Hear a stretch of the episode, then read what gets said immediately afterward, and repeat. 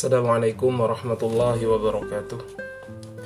Bismillah walhamdulillah Wassalatu wassalamu ala rasulillah Wa ala alihi wa sahbihi wa man walah ma ba'du.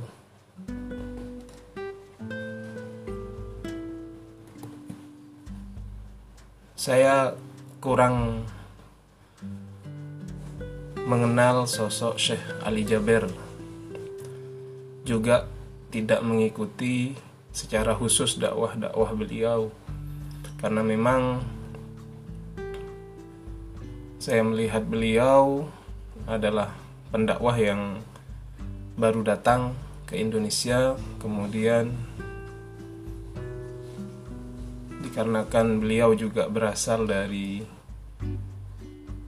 Madinah dari Arab Saudi yang mayoritas sampai saat ini mereka masih bermadhab salafi wahabi mengakibatkan saya pribadi kurang respect terhadap beliau jadi hanya tahu ada Syekh Ali Jaber kemudian sering juga saya melihat beliau tampil di acara televisi di acara tahfid di acara lomba atau acara tahfid yang ada di televisi.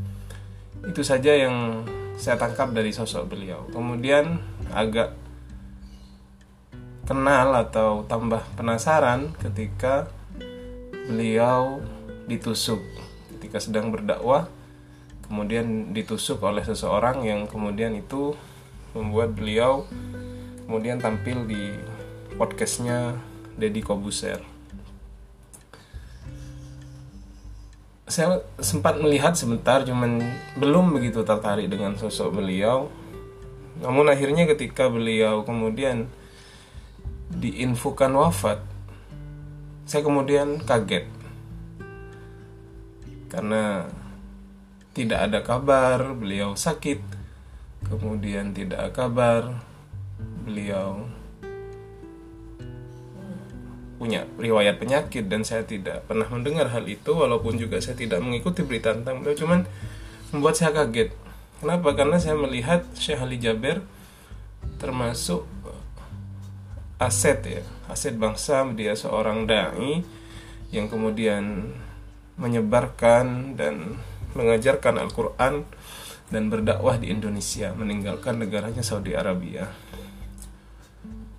Ketika Syekh Ali Jaber sudah wafat, maka di beranda YouTube mulai banyak video-video beliau di media sosial begitu pun juga banyak media sosial yang kemudian memviralkan video-video beliau dan ternyata saya salah menilai Syekh Ali Jaber.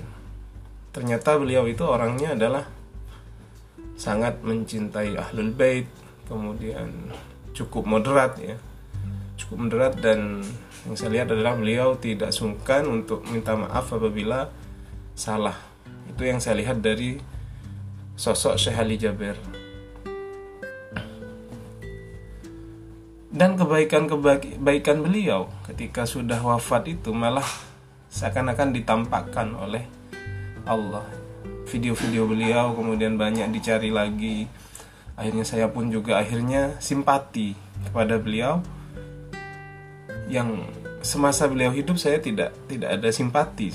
Karena memang saya lihat oh ini dari Arab Saudi pasti berbeda. Walaupun juga pernah saya e, mendapati ya Syekh Ali Jabir waktu itu diundang ke acara tablik akbar yang dihadiri oleh Al Habib Umar bin Hafid waktu itu tempatnya di Monas. Itu saya yang uh, lihat uh, Syekh Ali Jabir datang dan saya kira oh paling hanya sekedar uh, yang penting menghormati seorang ulama. Begitu aja. Tidak ada kesamaan visi misi di antara beliau Habib Ali apa Syekh Ali Jabir dan para habaib. Itu aja. Ternyata saya lihat video-videonya setelah itu beliau ternyata sangat mencintai ahlul bait Nabi Muhammad Sallallahu Alaihi Wasallam dan kemudian saya melihat malah sesudah meninggal rekaman-rekaman video Syekh Ali Jaber kemudian semakin diviralkan semakin dikenal kemudian ajaran-ajarannya kemudian uh, kita menjadi simpati ya. ini mungkin ya hampir mirip kasusnya ketika wafatnya ulama yang belum sempat saya soan semisal uh, Mbah Maimun Zubair belum sempat soan belum sempat kenal kemudian tiba-tiba meninggal.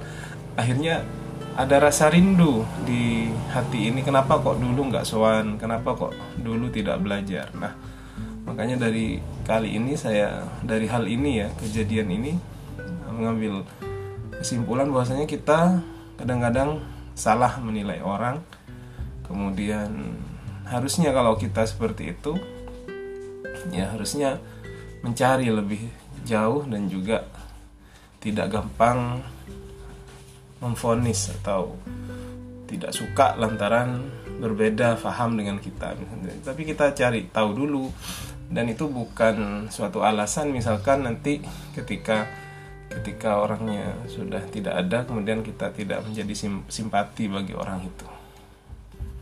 Jadi ini menjadi pelajaran bagi saya pribadi bagaimana kita harus lebih bersikap fair sama orang. Kemudian kadang-kadang memang kita diingatkan oleh Allah ini loh orang yang kamu dulu nggak suka ketika sudah meninggal baru kita akan simpati terhadap orang tersebut termasuk juga kepada ulama-ulama yang lain. Ya ulama-ulama yang lain mungkin akan seperti itu. Mungkin kita juga saya pribadi ya perlu untuk menambah rasa cinta kepada sesama muslim dengan tanpa melihat dia dari apa golongan yang mana. Karena kita tidak tahu akhir hayat seseorang itu bagaimana termasuk akhir hayat saya sendiri dan para pendengar sekalian. Saya kira itu sekedar apa unek-unek dari saya tentang ulama Syekh Ali Jaber semoga beliau ditempatkan di sisi Allah ditempatkan di surganya Allah dan ditempatkan di tempat yang terbaik di sisi Allah Subhanahu wa taala. Terima kasih. Ila liqa. Wassalamualaikum warahmatullahi wabarakatuh.